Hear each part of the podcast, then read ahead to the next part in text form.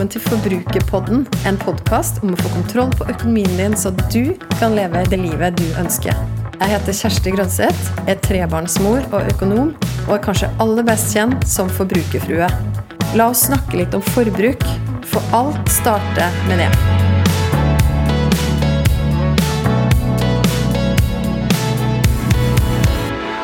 Det er fredag, det er midten av november, og det begynner faktisk å nærme seg jul.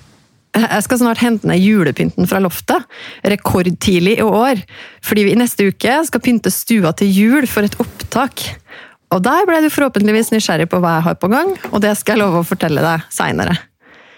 I dag har jeg en fantastisk gjest med meg i studio.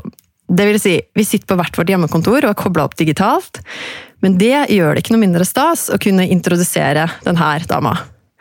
Hun er en kvinne som jeg beundrer, en som tør å stikke seg fram og ha sterke, tydelige meninger. Hun formidler det hun gjør med engasjement og med lidenskap, og hun er faktisk på jobb hver eneste dag for deg og meg.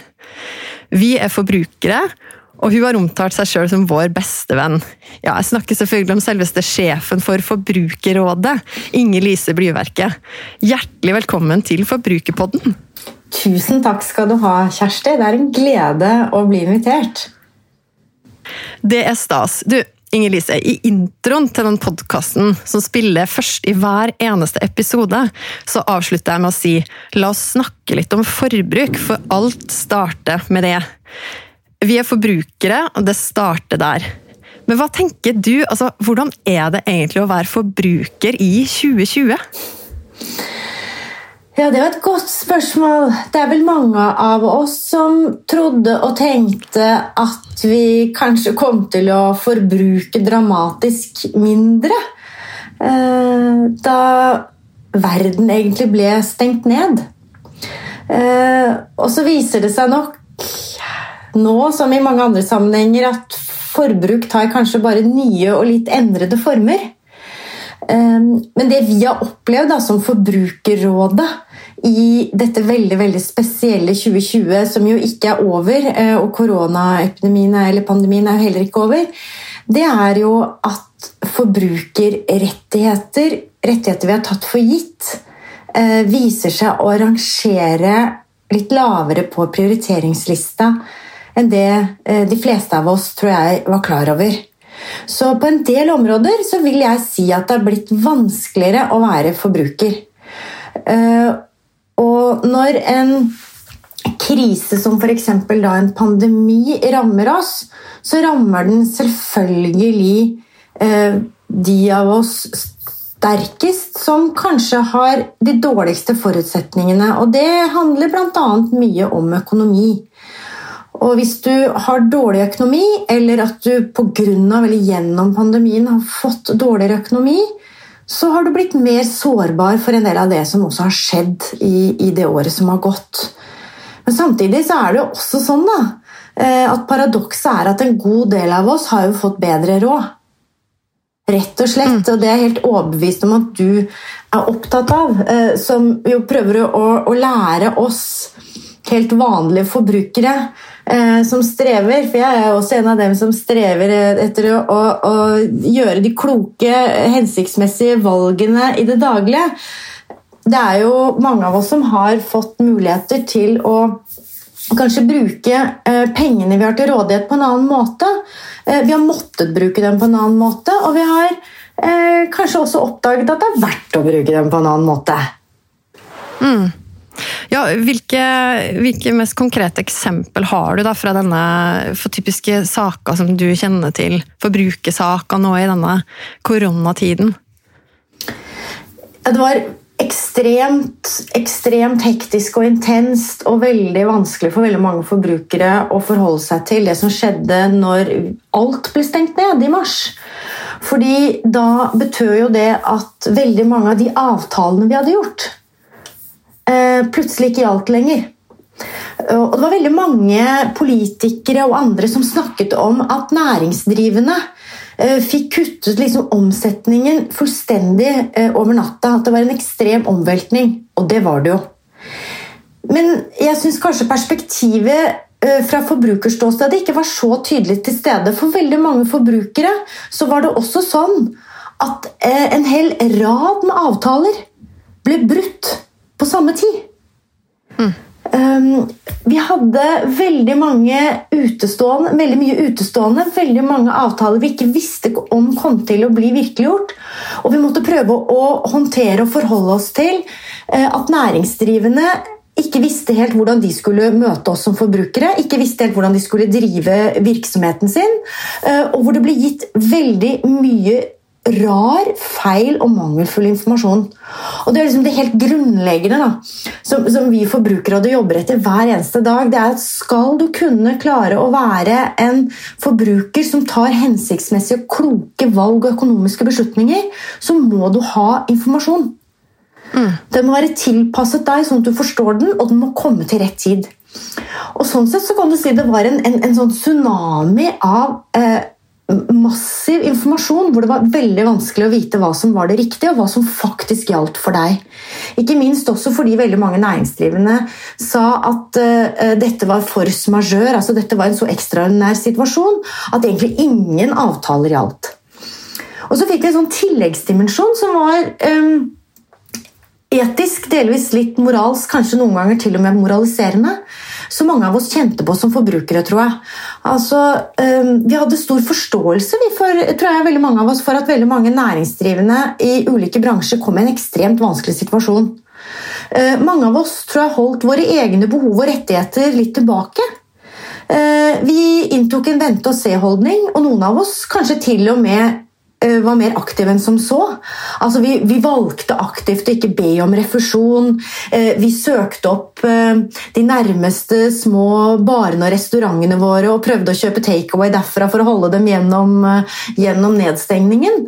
Men det jeg opplevde, var jo at det plutselig skulle bli et moralsk imperativ. Altså At det var noen som bestemte at det var den riktige tingen å gjøre. At jeg med min eh, middelklassebakgrunn, med min middelklasselønn, i min middelklasseleilighet og med min veldig trygge jobb på vegne av norske forbrukere, statsfinansiert uh, sådan, at jeg f.eks. skulle ha meninger om at andre skulle frastå uh, fra mm. det de egentlig rettmessig hadde krav på. Og det synes jeg var en veldig, var en veldig interessant erfaring. Eh, og hvor jeg tror veldig mange eh, fomlet litt og famlet litt i hvordan vi skulle håndtere det. Forbrukerrådet var veldig bevisste og, og, og, var nok ganske forsiktige i starten. Ønsket også å gi næringsdrivende og for så vidt også det offentlige tid.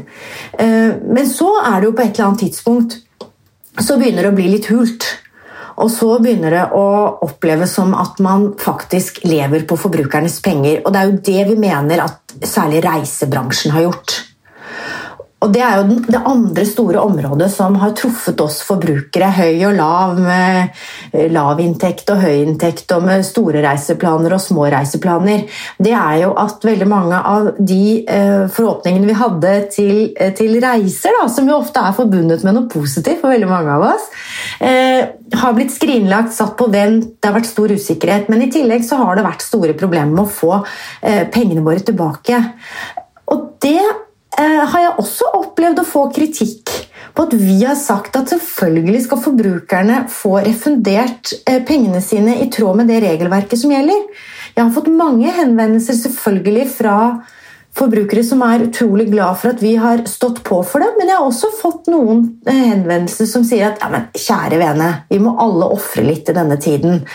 Og jeg syns det er veldig rart hvis en enkeltforbruker, en alenemor, med fire unger i en Obos-blokk skal ta en for Norwegian-laget. Jeg klarer liksom ikke å akseptere at det er en riktig trade-off. Særlig ikke fordi den alenemora med fire barn i den Obos-blokka allerede tar en for Norwegian-laget over skatteseddelen og gjennom de statsgarantiene som har blitt eh, gitt. Og så skal du i tillegg tvangsmessig yte et ekstra lån. Eh, gjennom f.eks. en tur hun har bestilt, men ikke får refundert. Det Dessverre så opplever jeg at de bransjene som er i en særstilling og tar betaling av oss på forhånd, har misbrukt den særstillingen, utnyttet den tilliten på det groveste.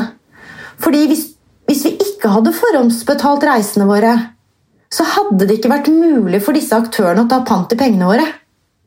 Det er rett og slett fordi noen bransjer har det utviklet seg en praksis som vi forbrukere har akseptert, nemlig at vi betaler lenge før vi får produktet levert. Eh, som har gjort det mulig for dem å faktisk eh, holde igjen pengene våre.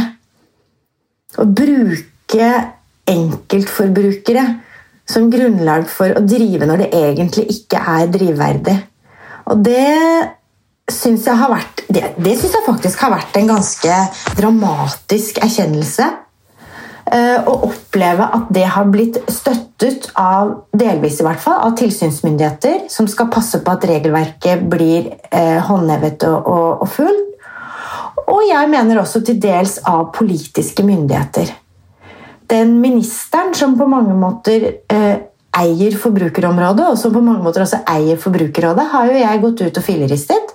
Ropstad. Fordi, ja, det har jeg gjort. Fordi jeg mener at han har gjort det vanskeligere å være forbruker. Og endret regelverket underveis.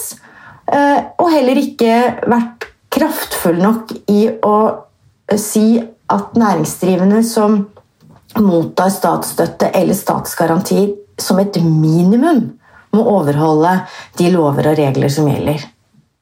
Ja, for det er jo, jeg kjenner meg igjen i det, det du sier der. Altså, det, det, var jo veldig mye sånn snakk om nå må vi bidra til å holde hjula i gang, dere.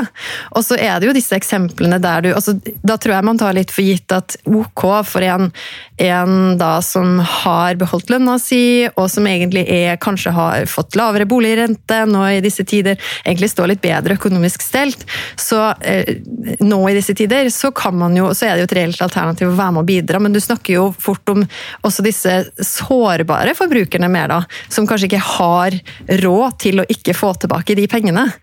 Og det er jo det jeg digger da med at du faktisk er på jobb, sånn som jeg sa introduksjonen, for oss forbrukere hver eneste dag. Du er ute i media, og du Jeg husker da jeg var så heldig å få lov å intervjue deg i april i fjor. Og Da snakka vi også om dette med, med liksom sårbarheten da, til oss forbrukere. Og, og du sa eh, noe om det at den sårbarheten den øker også i det som du kalte litt komplekse marked, som det er vanskelig å forstå. Og så snakka vi om det med strøm. Mm. Og der har jo du vært ute. Det har jo vært mye om det i media i høst. Og en av overskriftene har vært at eh, mistenker prisjuks og strømselskaper, og umulig å si hvor mye kundene har tapt. Og da har jo dere som Forbrukerrådet avdekka prisjuks hos 29 strømselskaper og gått ut og sagt at her forventer vi en storopprydding. Kan, kan ikke du gi sånne, eh, litt mer info om akkurat den saken, og hvorfor den er viktig for oss som forbrukere? Ja, det skal jeg gjerne gjøre. Ja, for strøm er viktig, og Forbrukerrådet kommer ikke til å gi seg før vi har ryddet opp i det markedet. Eh, og Det som er et paradoks, da, for meg i hvert fall, det er at egentlig så burde dette være det enkleste produktet for oss forbrukere å kjøpe. Strøm er strøm. Det fins ikke dårlig og god strøm. Eh, du har ikke behov for blå strøm mens jeg trenger gul strøm. Altså, det fins ingen dimensjoner ved strømmen som gjør at du kan si Oi, nei, nå har jeg skiftet strømleverandør, så nå syns jeg lyset faller så mye penere ned på, på, på, på, bordet her. Det er ingenting ved strøm som skulle være vanskelig, egentlig. Fordi strøm og strøm, alle skal ha det, og vi skal ha det over lang tid. Vi skal egentlig ha det hele livet. Det er et varig, er et varig abonnement. Eh, på et enkeltprodukt som skulle være superenkelt for forbrukere å håndtere. Det finnes mange andre produkter og tjenester som er mye mer kompliserte å kjøpe, og som, som, det selvfølgelig også blir mye vanskeligere å agere i som forbruker. Men så har liksom strømmarkedet endt opp med å være et av de mest komplekse markedene for oss forbrukere. Og det har endt opp med å være et marked som systematisk legger til rette for at vi blir lurt, ja. Helt klart. Mm. Og ikke bare med, med, de avtalene som vi klaget inn til Forbrukertilsynet nå, men, men, men vi, vi, har bare bestemt oss. Vi har skaffet oss så mye og grundig dokumentasjon. Og det er alt som ikke fungerer i det markedet, og vi kommer ikke til å gi oss. Og så har vi eh, bestemt oss for at vi skal satse på dette, fordi det er så, eh, nettopp fordi at dette er et produkt som treffer alle forbrukere så godt som. Eh, alle trenger det. Og hvor vi også erfarer at veldig, altså, de aller fleste kan bli lurt. Det er ikke bare de mest sårbare eller eh, som vi tenker på i utgangspunktet som blir lurt her. her er det, det er nesten umulig ikke å bli lurt. Eh, jeg har jo endt opp med eh, å finne ut at jeg har en, en, en avtale som har masse skjulte prispåslag og med noe ekstra forsikringer som jeg ikke trenger. Og, altså, jeg ante det ikke engang.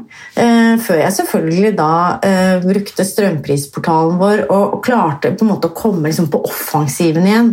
Mm. Um, og det Hvorfor det har blitt sånn, det, det strides man kanskje om, og det, og det kan hende at det også er et politisk ideologisk spørsmål.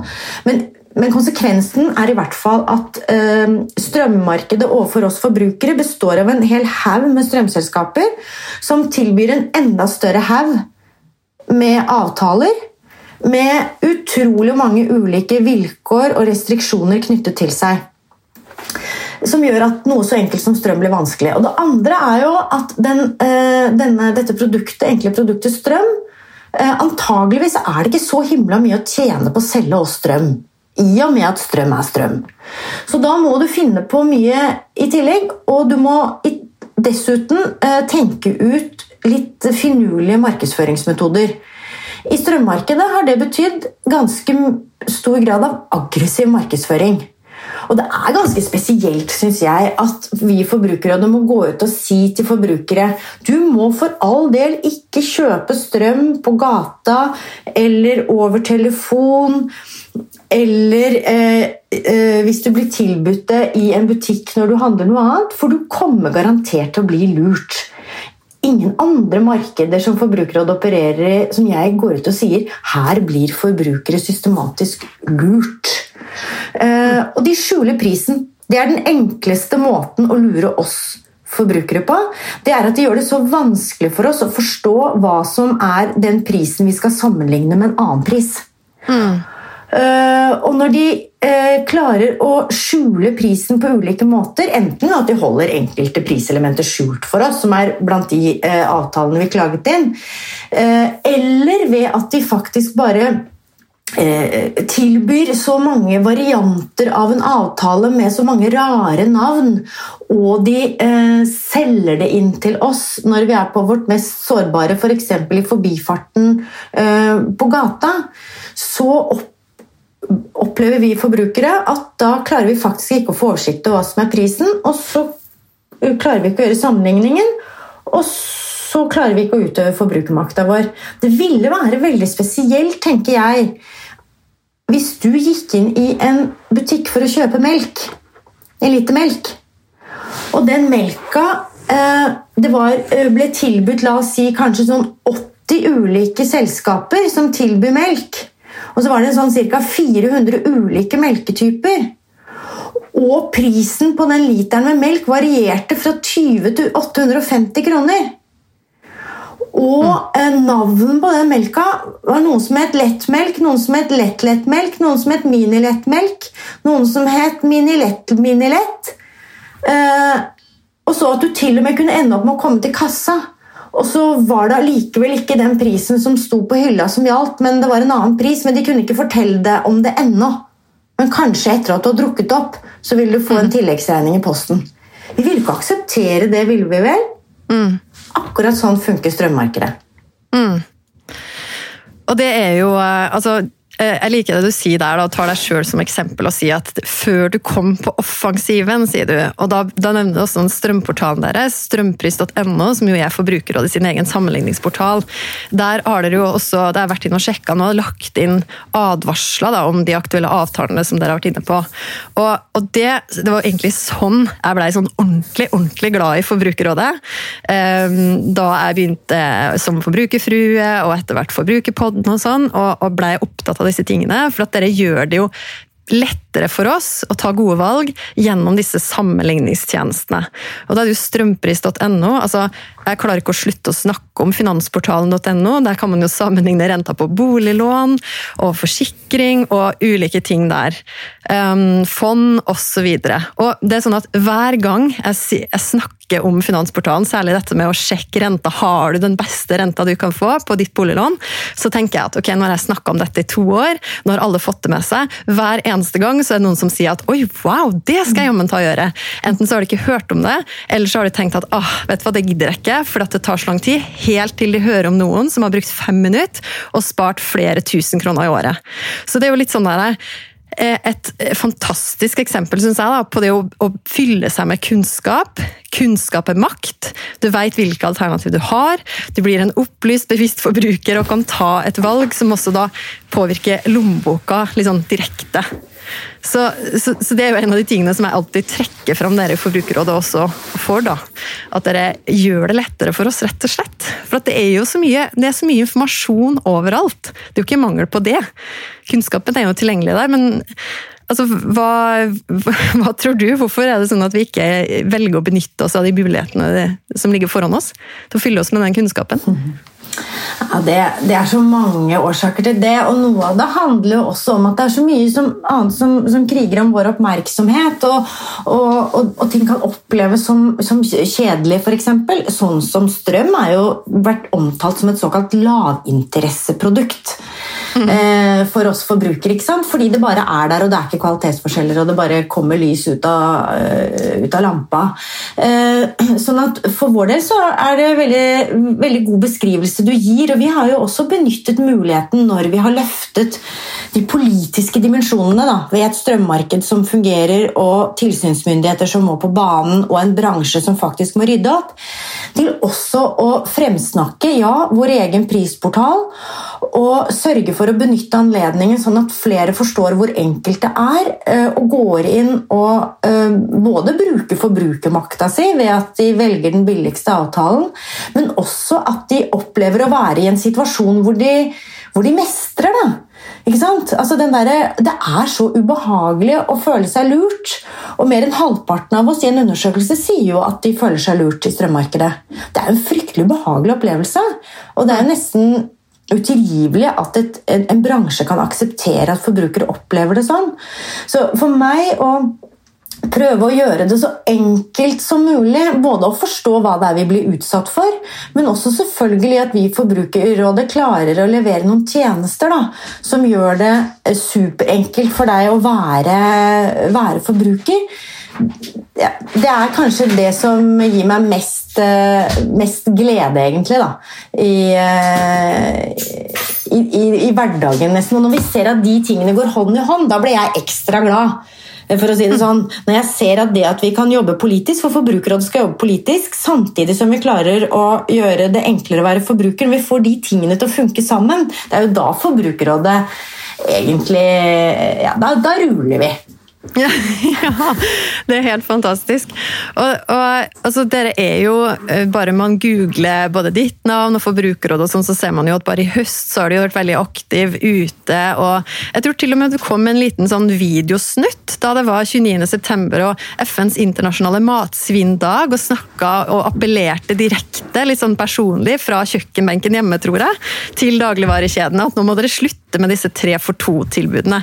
Det, det kan jo være en sånn god god deal for lommeboka, hvis man skal si det sånn. da. Det trenger ikke å være det heller. For at ofte så, hva skjer med disse tre for to? Det er igjen lokketilbud, fristende, og så trenger man jo kanskje ikke men Kanskje man trengte én, da, og så endte man på en måte ja ja, det lønner seg jo å få tre for to, men hvis du trengte én, så har du egentlig ikke kjent noe på det.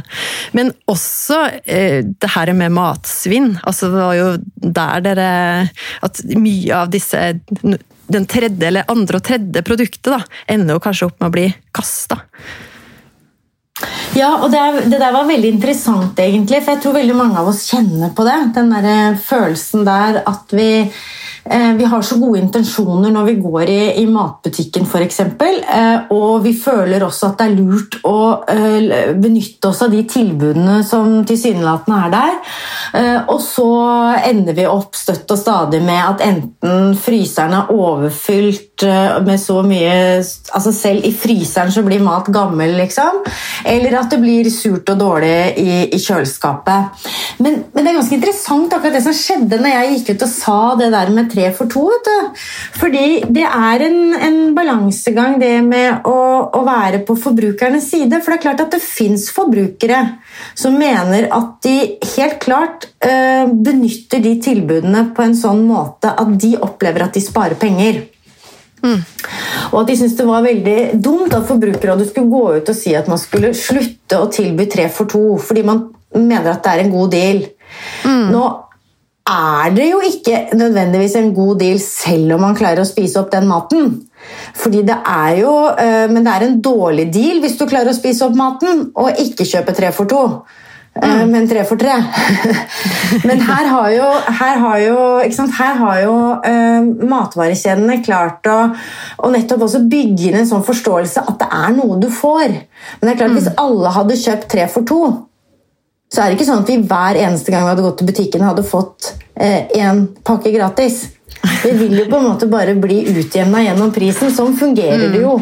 Eh, ikke sant? Så det, er liksom, det, det, i seg selv også gjør det ganske krevende å være forbruker, egentlig. Fordi du, du kan tro at noe er rimeligere enn det det faktisk er. Eh, og så er det også den rollen som forbrukerråd som jeg syns er ganske spennende og, og, krevende, og blir det enda mer framover. Ikke minst når vi nå skal ha en overgang til et bærekraftig samfunn, og veldig mange forbrukere ønsker å være en, løs, en del av løsningen ikke selve problemet i seg selv. Ikke sant? Jeg en forbruker, så blir det liksom sånn Forbruk er jo egentlig oppfattet å være negativt for miljøet. så Man, tenker, man kan ikke gå rundt hver eneste dag og tenke at jeg er det store miljøproblemet. Man ønsker å bidra.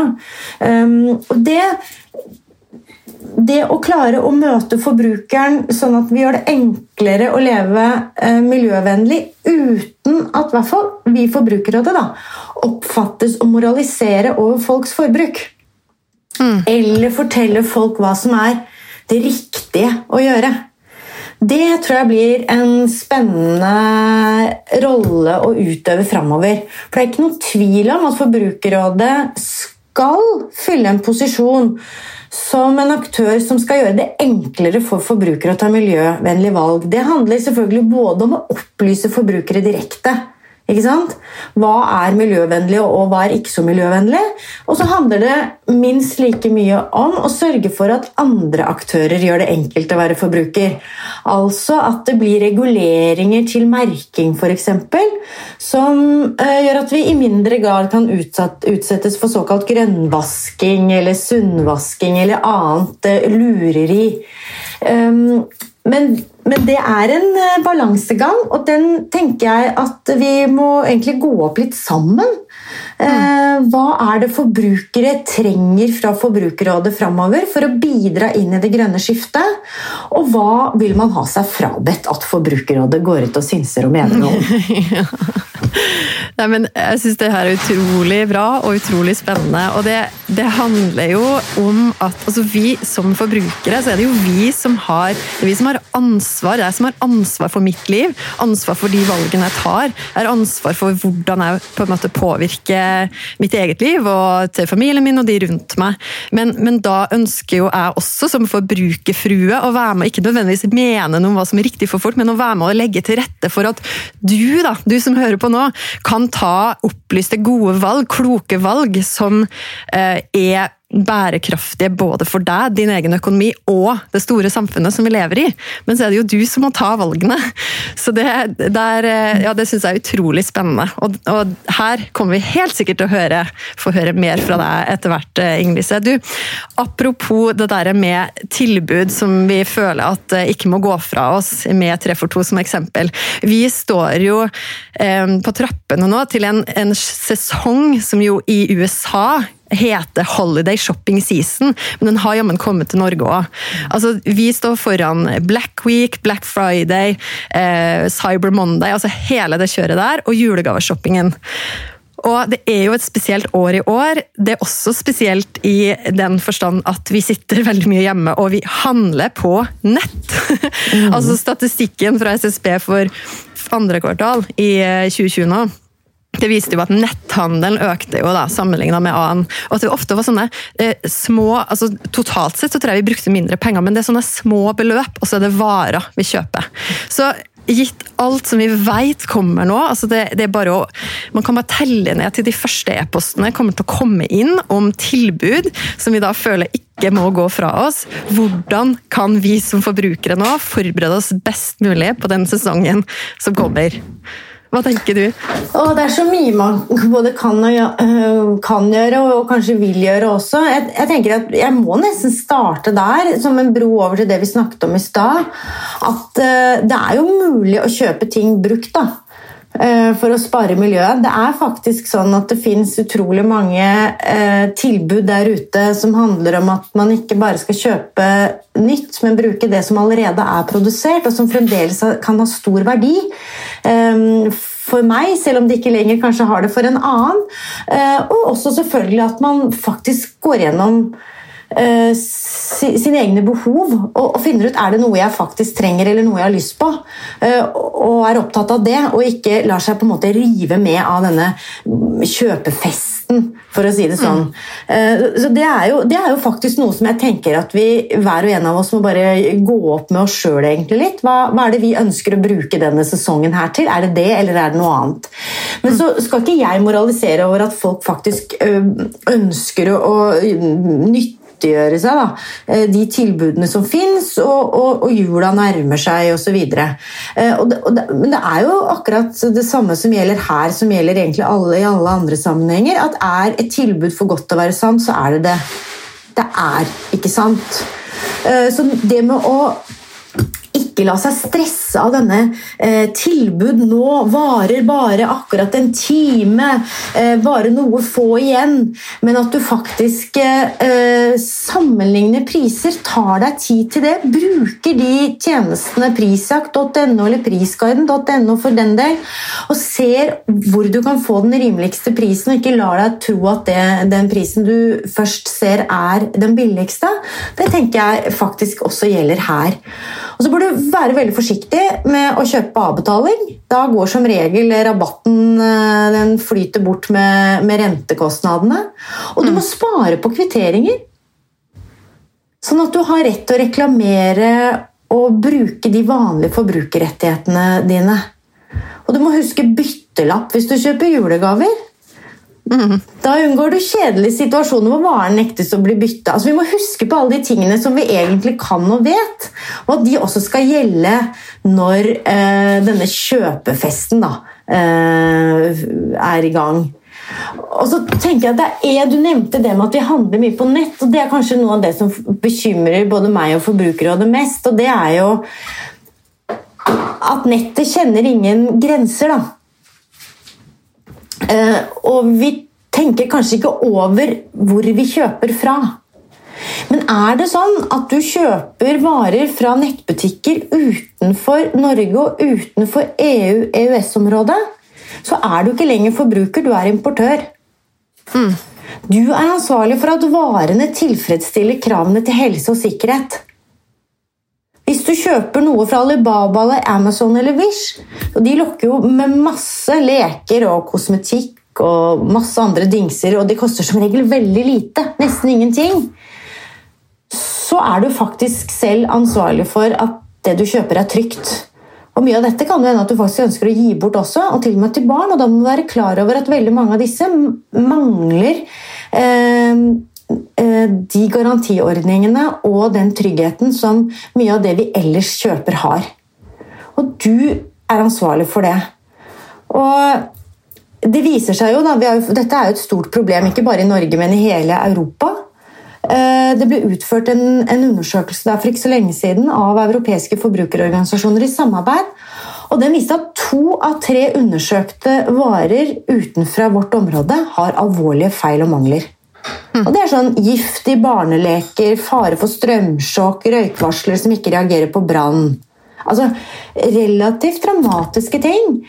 Eh, så det er liksom tenk deg om to ganger før du velger å kjøpe ting fra nettbutikker som du ikke egentlig helt vet hvor uh, har sin opprinnelse. En trygg nettbutikk vil alltid oppgi en adresse, kontaktinfo og opplyse deg om klagemuligheter. Finner du ikke det, skygg unna. Veldig bra. Du, Tusen hjertelig takk, Inger-Lise. Vi skal gå inn for landing i denne episoden her nå. Jeg er så takknemlig for at du ville komme i studio, ikke i studio hos meg, da, men hvert, fra hvert vårt eh, hjemmestudio her, og snakke med meg i Forbrukerpodden.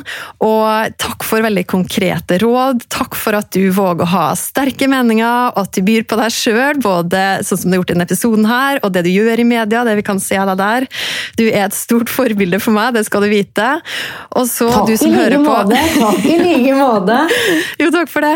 Og jeg ønsker deg all mulig lykke til med alle de kampene som du skal stå i framover. Og så håper jeg også at du får en veldig god og hyggelig førjulstid. Tusen takk. Takk skal du ha. Og så får vi bare ta vare på hverandre og sørge for at vi kommer gjennom dette. Takk skal du ha for at jeg fikk komme. Jeg vil gjerne vite hva du tenker etter å ha hørt episoden. Så koble med meg på Instagram. Der finner du meg som Forbrukerfrue. Send meg en melding. Tagg meg gjerne i Story og del episoden her hvis du likte den. Eller send meg spørsmål. Og husk å abonnere på podkasten Forbrukerpodden, så får du beskjed hver gang det kommer en ny episode. Vi høres!